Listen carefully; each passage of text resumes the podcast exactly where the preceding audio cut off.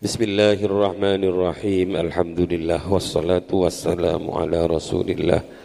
La hawla wa la quwata illa billah ma ba'du. Halaman 74 Sampai Nomor paling bawah ya.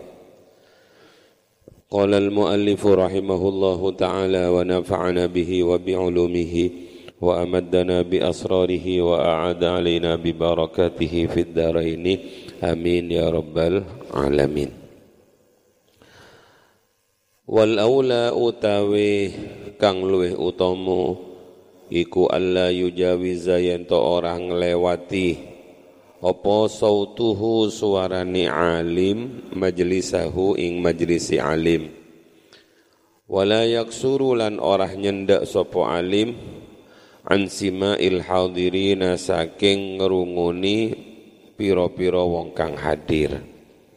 Itu batasan kerasnya suara. Fakot ruwiya mungko teman-teman den riwayatake. Atau fakot rawa mungko teman-teman ngeriwayatake sopo al khatibu khatib al Baghdadi anin Nabi sallallahu alaihi wasallam saking kanjeng Nabi sallallahu alaihi wasallam Qala dawuh sapa Kanjeng Nabi. Kanjeng Nabi bersabda, "Inna Allah Ta'ala yuhibbu sawtal khafidhal khafiyyah wa yaqrahu as-sawtar rafi'ah."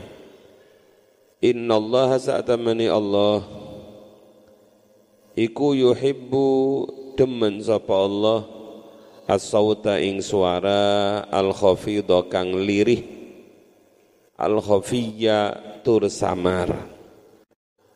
Wa yaqrahu lan geting sapa Allah as-sautar rafi'a ing suara ar-rafi'a kang banter.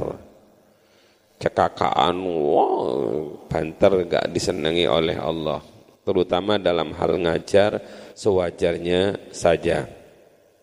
Allah men, Allah men, mencintai suara yang lirih, samar dan Allah tidak senang dengan suara yang banter-banter benguk-benguk. Fa in hadara munqala munhadir fihim ing dalam majlis. Fa in hadara munqala munhadir fihim ing dalam majlis. Apa saqilus sam'i? Apa saqilus sam'i wong kang abot pengerunguni? Yakni orang yang pendengarannya agak susah. Agak tuli gitu fala ba'sa mongko ora ono bahaya iku maujud biraf sautihi kelawan banterake suarane alim. Biqadri ma kelawan ukurani perkara. Yasma'u kang ngrungu sapa sakil hu ing ma. Sapa sakil hu ing ma wala yabrudu lan ora nyepetake sapa alim al kalama ing kalam. Wala yabrudu lan ora nyepetake sapa alim al kalama ing kalam. Ojo cepet-cepet uh,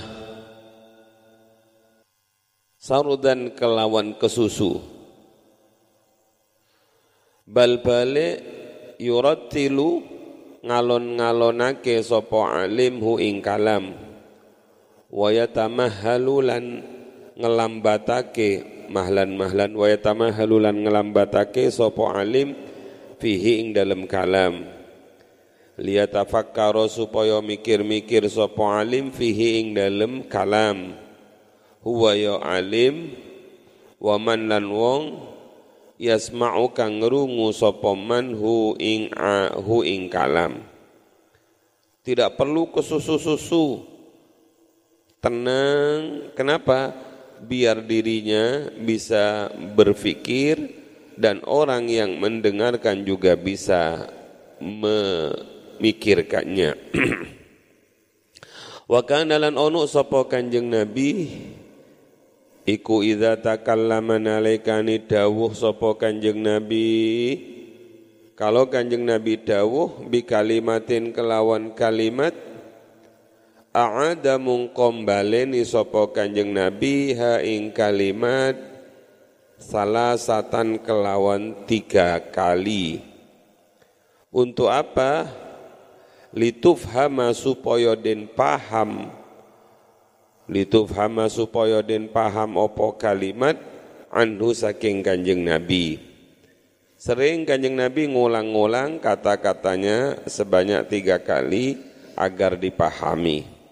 Wa idza faragha lan alaikani wis rampung sapa alim mim mas'alatin saking masalah siji au ausila utawa au aslin utawa pokok siji sakata mongko diam sapa alim qalilan hal qalilan ing lem sedilu hatta yatakallama sehingga guneman sapa man wong fi nafsihi ing dalem awak dhewe man kalamun utawe kalam alaihi ing iku fi nafsihi kang tetep ing dalam awak dhewe nikman kalamun utawe kalam alaihi ing alim wa yasunu lan ngrekso sapa alim majlisahu ing majlisi alim anil lauti saking ramai kalau kamu jadi guru kelas, perhatikan jangan sampai kelasmu rami. Kenapa? Fa innal laghata mungko sak temeni ramai iku yughayyiru ngobahake apa laghata al-lafdha ing lafad. Satu, jaga dari ramai. Biasanya ngajar MI itu luar biasa beratnya ngajar MI, ngajar TK itu kalau enggak guru-guru hebat susah. Juga wa an raf'il aswat lan saking bantere piro-piro suara.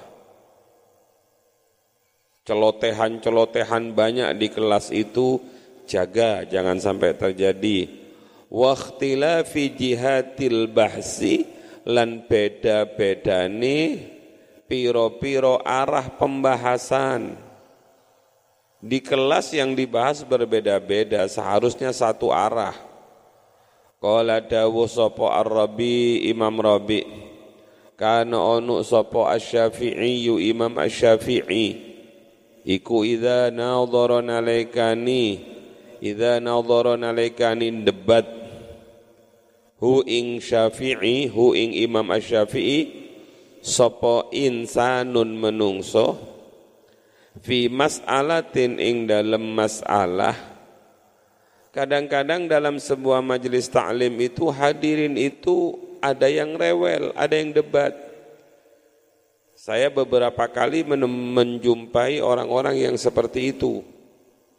Ketika dibuka tanya jawab, ada yang bertanya tentang ini, ini, itu. Waktu itu yang bertanya itu masalah ini. Apa ya istilahnya?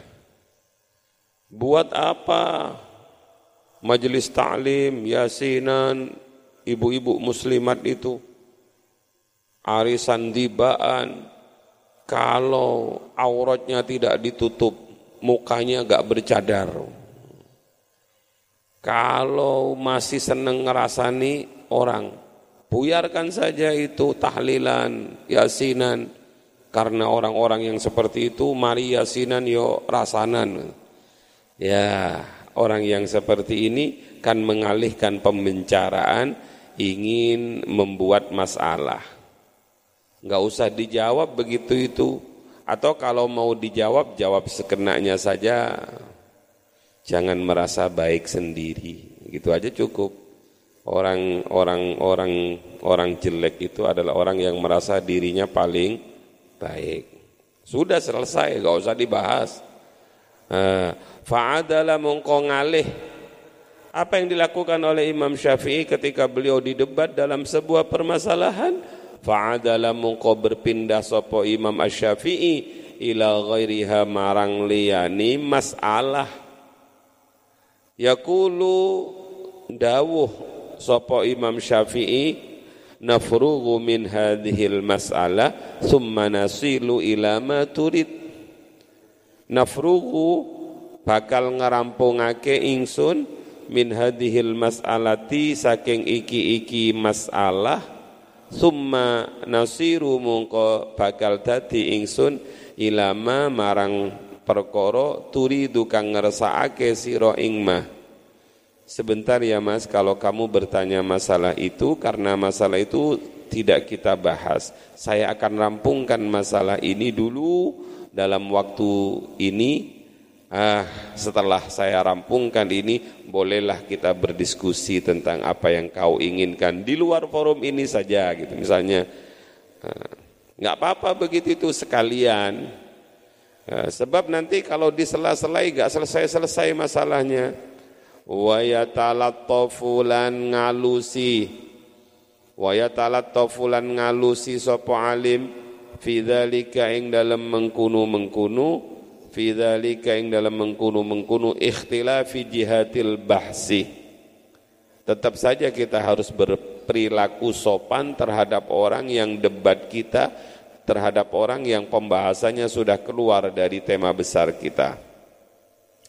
Fi mayadi fi fi mabadihi ing dalam kawitani dzalik qabla intisyarihi ing dalam turungi kuncoroni dzalik atau uh, atau jihad. Ya dzalik saja. Wa talau wa tawa wa tawalani wa tawalani nufusilan oleh nguasai piro-piro nafsu piro-piro jiwa. Harus kalian bisa menguasai diri karena kalian ini sedang menjadi orang alim sedang ngajar. Wa yudzakiru lan ngilingake sapa alim al hadirina ing pira-pira wong kang hadir. Ma ing perkara ja'ataka apa ma? Fi karahiyatil mumarati ing dalem makruhe para padu. La siyama apa maneh? Ba'da duhuril haqqi ing dalem sakwiseni tampake barang kang hak. Kadang-kadang diskusi itu berkelanjutan musuhan padahal sudah ketemu jawabannya. Wa anna maksudal ijtima lan sak temeni tujuani kumpul iku zuhurul haqqi mencari menampakkan kebenaran. Bukan tukaran mencari kebenaran yang pertama yang kedua wasafaul qulub. Lan beningi piro-piro ati. Beningi piro-piro ati. Yang ketiga wa talabul faidati. Lan nyuprih atau mencari faidah. Lan nyari faidah. Wa annahu lan sak temeni kelakuan. Iku layaliku orah patut orah patut bi ahli ilmi kelawan ahli ilmu opo ta'atil munafasati nandangi jor-joran iya gak layak gak patut gak pantas orang yang punya ilmu kok jor-joran dalam sikap, jor-joran dalam kehidupan. Kenapa? Li'annaha krono sak temeni munafasah atau jor-joran iku sababul adawati sebabe permusuhan. Dari jor-joran itulah akan muncul permusuhan. Yang kedua wal baghdha ilan bendu-benduan saling tidak senang bal balik yajibu wajib opo ayyakuna yento onu yento onu opo al ijtima'u kumpul maksudan iku memiliki maksud kholison kang murni lillahi ta'ala krono Allah ta'ala. Jangan sampai majelis taklim itu menjadi tempatnya cor-coran, kemudian ada permusuhan, saling benci. Kenapa? Karena yang disampaikan kadang-kadang permusuhan. Padahal tujuan awal dari perkumpulan itu adalah kholison lillahi ta'ala liyatimma supaya sampurno opo al faidatu faedah apa al faidatu faedah fid dunya ing dalam dunia was sa'adatu lan bejo fil akhirati ing dalam akhirat. Wa yadhkuru lan ngiling-ngiling itu tujuannya faidah fid dunya sa'ada fil akhirah. Di dunia dapat manfaat dapat faedah dari majelis taklim itu di akhirat dapat sa'adah kebahagiaan wa yadhkuru lan ngiling-ngiling sapa alim. Qaulahu ta'ala ing firmani Allah ta'ala liyuhiqqal haqqa wa yubtilal batila walau karihal mujrimun. Liyuhiqqa supaya membenarkan al haqqa ing perkara kang hak. Wa yubtila lan batalake al batila ing perkara kang batil. Ini tujuannya liyuhiqqal haqqo satu. Yang kedua wa yubtilal batil agar hak menjadi hak agar batil menjadi batil agar hak dilakukan agar batil dijauhi. Walau karihal mujrimun walau karihalan sanajan sengit ora seneng. Sapa al mujrimuna pira-pira wong kang dosa. Fa inna dzalika qaranu sak temani mengkunu mengkunu qauluhu ta'ala. Iku yufhimu awe faham apa dzalik anna iradata ibtalil haqqi. Sak temani ngarepake mbatalake perkara hak wa tahqiqal batil lan membenarkan perkara batil iku sifatu ijramin sifat gawe-gawe dosa.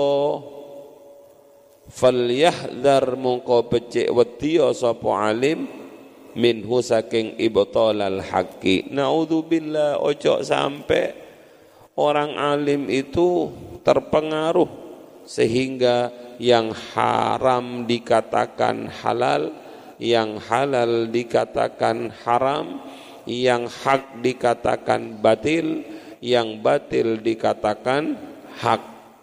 Sehingga kemudian ada istilah ini halal apa haram? Jawabannya halam. Halam apa halam itu? Setengah halal, setengah haram. Jelas katakan liyuhiqqal haqqo wa yubtilal batila sekalipun walau karihal mujrimun wal yubaligh lan becik mbangetake sapa alim fi zajriman ing dalem nyegah wong ta'adda kang ngelewati batas sapa man fi bahsihi ing dalem oleh bahase man. Au dhahara utawa tampak minhu saking man opo ladadun ngotot. Ada ndak orang yang ngotot itu? Oh no. Diskusi ngotot leher urat lehernya sampai keluar semua. Sampai matanya belalak. Ah, cegah kalau ada seperti itu. Au su'u adabin utawa su'ul adab. Ini sudah ini forum ilmiah. Anda tidak perlu ngamuk-ngamuk seperti itu sampai naik-naik ke meja, gebrak-gebrak meja, melotot-melotot. Emangnya sampean ini di mana tempat ini tempat majelis ilmu, Gak usah ngamuk-ngamuk seperti itu. Nah, itu namanya suul adab di majelis taklim fi bahsihi ing dalam bahasman. Kadang-kadang bahsul masail sampai seperti ini harus ada adab, harus ada etika. Ketika kalian berdiskusi di situ ada moderator, jangan saut manuk. Sampai ngacung, mohon maaf Pak moderator, boleh saya menyampaikan pendapat saya? Oh silahkan. Kalau dipersilahkan, silahkan. Kalau nggak dipersilahkan, nggak usah ngamuk. Saya ini juga punya hak. Anda gak berhak ngatur-ngatur. Oh, ini namanya di mana adabnya orang ahli ilmu kok seperti itu. Mohon maaf, boleh enggak saya menyampaikan pendapat saya? Oh silahkan. Menurut hemat saya, sepanjang pembacaan saya di kitab ini, ini, ini, ini, ini, karangan ini, ini, halaman ini, ini, ada pendapat seperti itu. Nah, bagus begitu itu. Nah, saya saya kembalikan kepada forum. Saya hanya menyampaikan apa yang saya tahu. Wallahu alam bisawab begitu. Enggak usah ngamuk-ngamuk. Autarku, tapi biasanya kunci orang berdiskusi itu berusaha membuat orang ngamuk. Lawan bicaranya ngamuk. Kalau lawan bicaranya sudah emosi, itu biasanya hilang cara berpikir bagusnya. Jadi dipancing untuk emosi. Sebab kalau orang sudah emosi, ah, zalal akal. Ah, hilang akalnya sudah, akal sehatnya maksud. Au au taraka utawa ninggal sapa man? Al insafa ing nyadari ba'da duhuril haqqi sawisene perteloni perkara kang hak. Perteloni perkara kang hak. Sudah jelas dibahas diputuskan begini kok masih saja eh, ngamuk-ngamuk? Uh, au aksara utawa ngakeh-ngakehake sapa man? Asyaha ing bengok-bengok bi ghairi faidatin kelawan tanpa faedah. Ini forum mulia, forum majelis ta'lim, bukan forum bengok-bengok. Dikira konser apa gini? Au asa utawa au asa utawa ngale ngalahake sapa men? Adabahu au asa utawa ngelek suu. Au asa utawa e, berperilaku jelek sapa man adabahu ing adabe man ala ghairihi ing ngatasi liyani man minal hadirina saking piro-piro wong kang hadir awil ghaibina utawa piro-piro wong kang ghaib. Kalau sudah adabnya jelek ya sudah ingatkan, ingatkan. Kadang-kadang forum ilmiah itu menjadi terkotori apabila adabnya hilang baik adab kepada kiai yang hadir ataupun kiai yang tidak hadir. Gak usah meleceh-melecehkan orang yang tidak ada. Au tarafu'a utawa tarafu tarafu itu ada orang itu luhur tapi kalau tarafu itu bukan luhur kemeluhur. Kemelinti kan kemelinti itu ya kemenyek, kemelinti, kemayu, kemeluhur, kemeganteng, keme, keme, keme, keme. Pokoknya sing keme, keme itu perkemi namanya. Perkumpulan Kemi Indonesia itu. Eh, perkumpul perkemi perkumpulan para kemi Indonesia. Kemeluhur kemayu ke keminter ya. Keminter.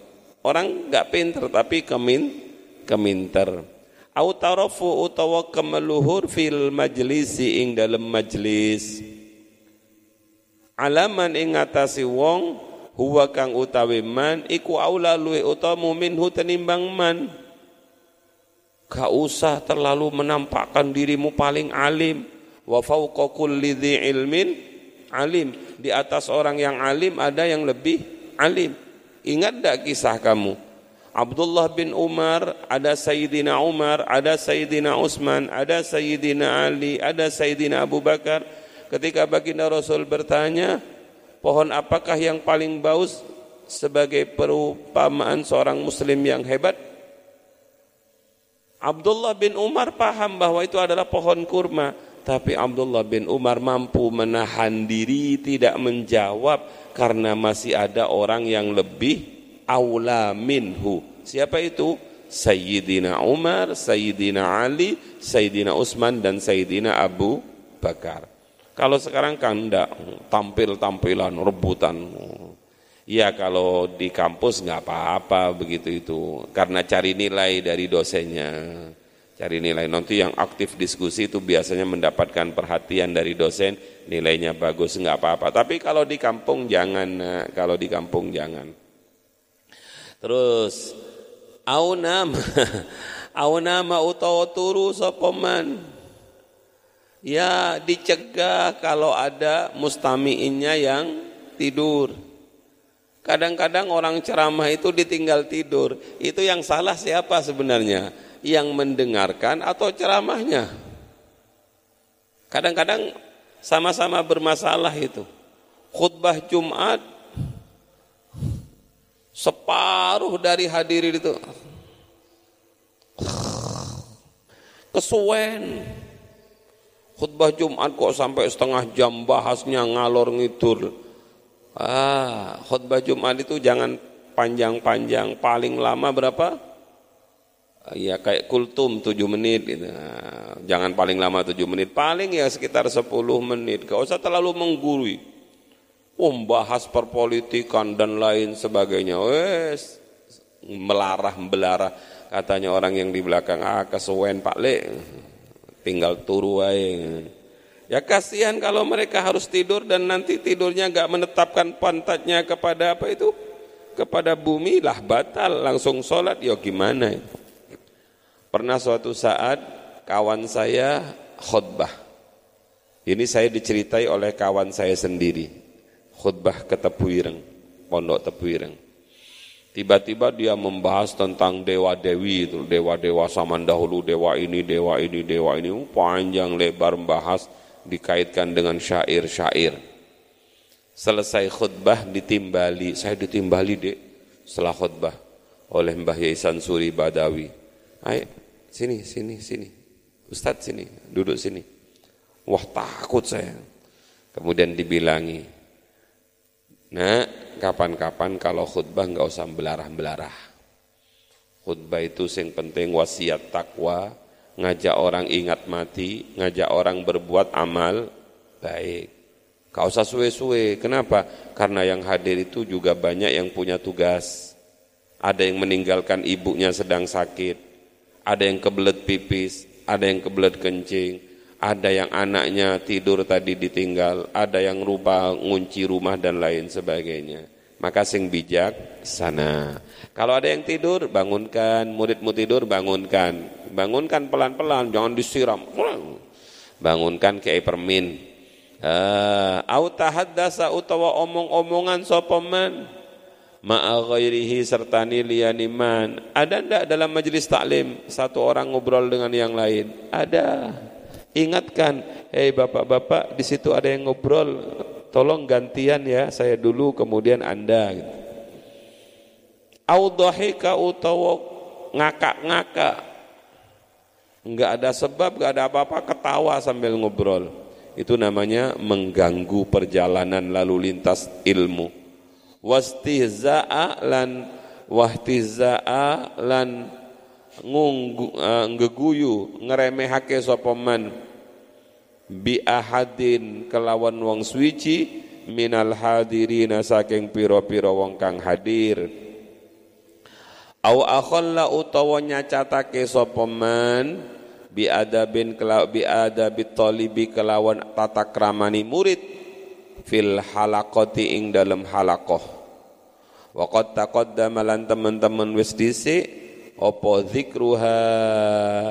Nyebut adab fi adabil muta'allimi ing dalem tata kramane pelajar. Sedikit lagi.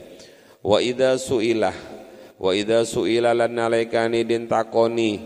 Wa idza suila lan nalaikani din takoni. Sapa alim amma saking perkara lam ya'lam kang orang ngerti sapa alim hu ing ma Eh nanti kalau kalian menjadi orang alim, amin. Kalian ditanya tentang sesuatu yang tidak kamu ketahui, maka kamu harus menjawab kola la a'lam au la adri. Apa jawabannya? La a'lam ora weruh sapa ingsun. Au la adri utawa ora ngerti sapa ingsun. Jangan gengsi, jangan malu kalau kamu ditanya tentang sesuatu yang tidak tahu, kamu harus mengatakan, mohon maaf saya tidak tahu. Mohon maaf saya belum paham. Kenapa? Faminal ilmi ayyakula la a'lam. Faminal ilmi mungkoiku setengah saking ilmu ayyakula utawi yang ngucap sopo alim la a'lamu orah weruh sopo ingsun. Kalian ini bukan Google. Otak kita itu terbatas kapasitasnya. Pembacaan kita terhadap kitab terbatas. Umur kita terbatas, pengetahuan kita terbatas. Kalau ada orang yang bertanya, kita nggak paham, jangan keminter. Jangan gengsi. Apa? Maaf, saya belum paham. Maaf, saya tidak tahu. Atau maaf, saya masih ragu-ragu tentang itu. Beri kesempatan saya untuk berpikir satu dua hari. Nanti saya jawab. Itu lebih hebat daripada dhallu wa adhallu. Setiap pertanyaan dijawab. Ada yang mau tanya lagi? Silakan. Oh, gini.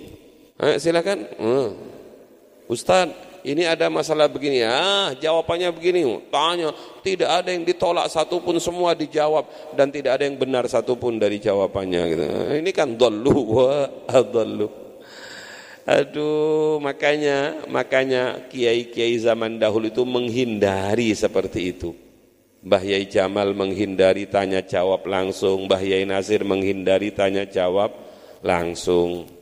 Sudah teruskan. Wa ani bin Abbas radhiyallahu anhu. Ibnu Abbas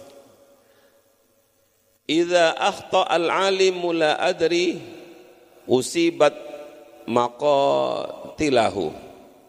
Idza akhta nalaikani nalaikani luput sapa al-alim wong kang alim la adri ing ora weruh usibat mongko den kenahi bilahi opo mako uh, mako mako tiluhu enggon mako talahu enggon matini alim jadi kalau ada seorang alim ditanya kemudian dia gengsi dia tidak mau mengatakan tidak tahu maka penyesalannya akan seumur hidup Bagaimana kalau dia menjawab dengan jawaban yang salah dan jawabannya itu dilakukan oleh orang?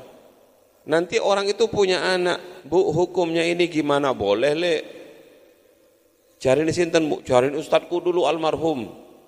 Terus menerus kesalahan itu. Hati-hati jangan main-main dengan hukum. Kala terakhir, kala dawuh sapa Muhammad ibnul Hakam.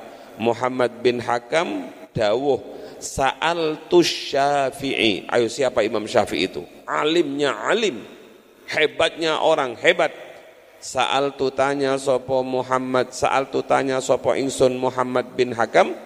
Asy-Syafi'i ya ing Imam Syafi'i anil mut'ati tentang nikah mut'ah.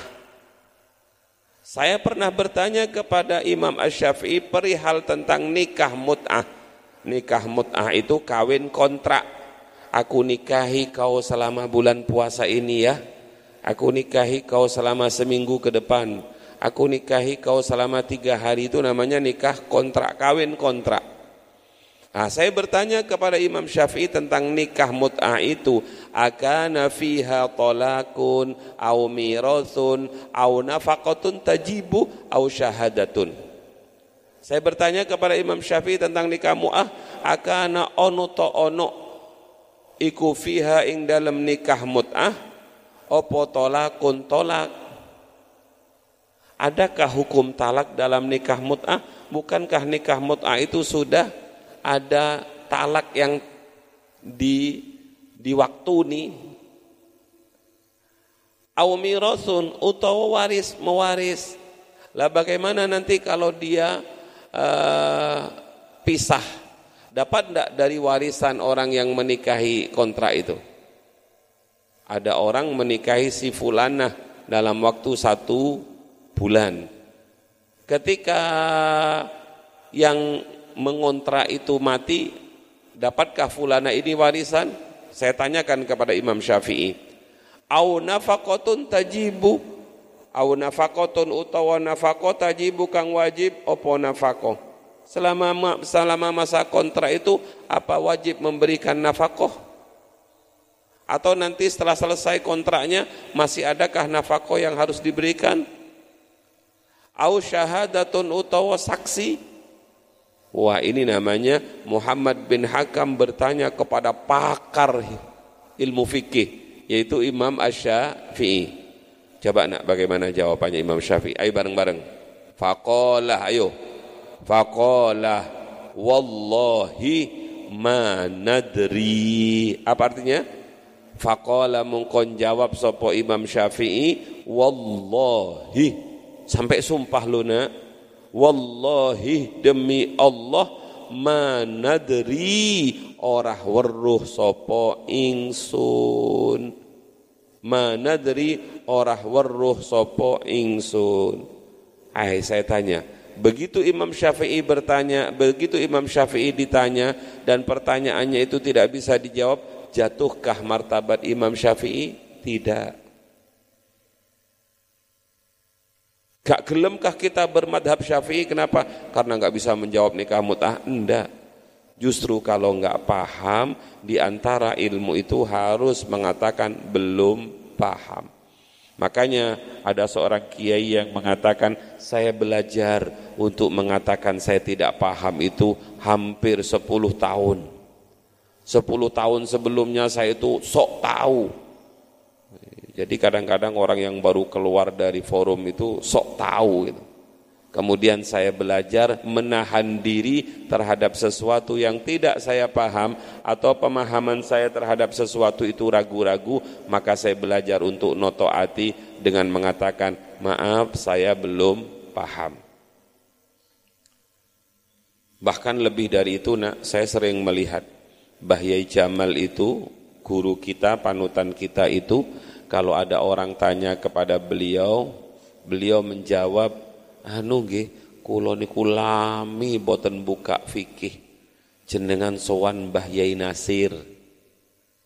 Padahal Abah itu ahli fikih. Bukan hanya ahli fikih, ahli usul fikih. Beliau buat kitab Miftahul Usul.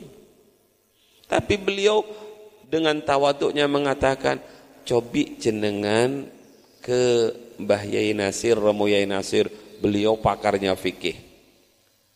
Nanti ke depannya Yai Nasir, coba sampean Kiai Sultan. Lebih jos dibandingkan saya itu.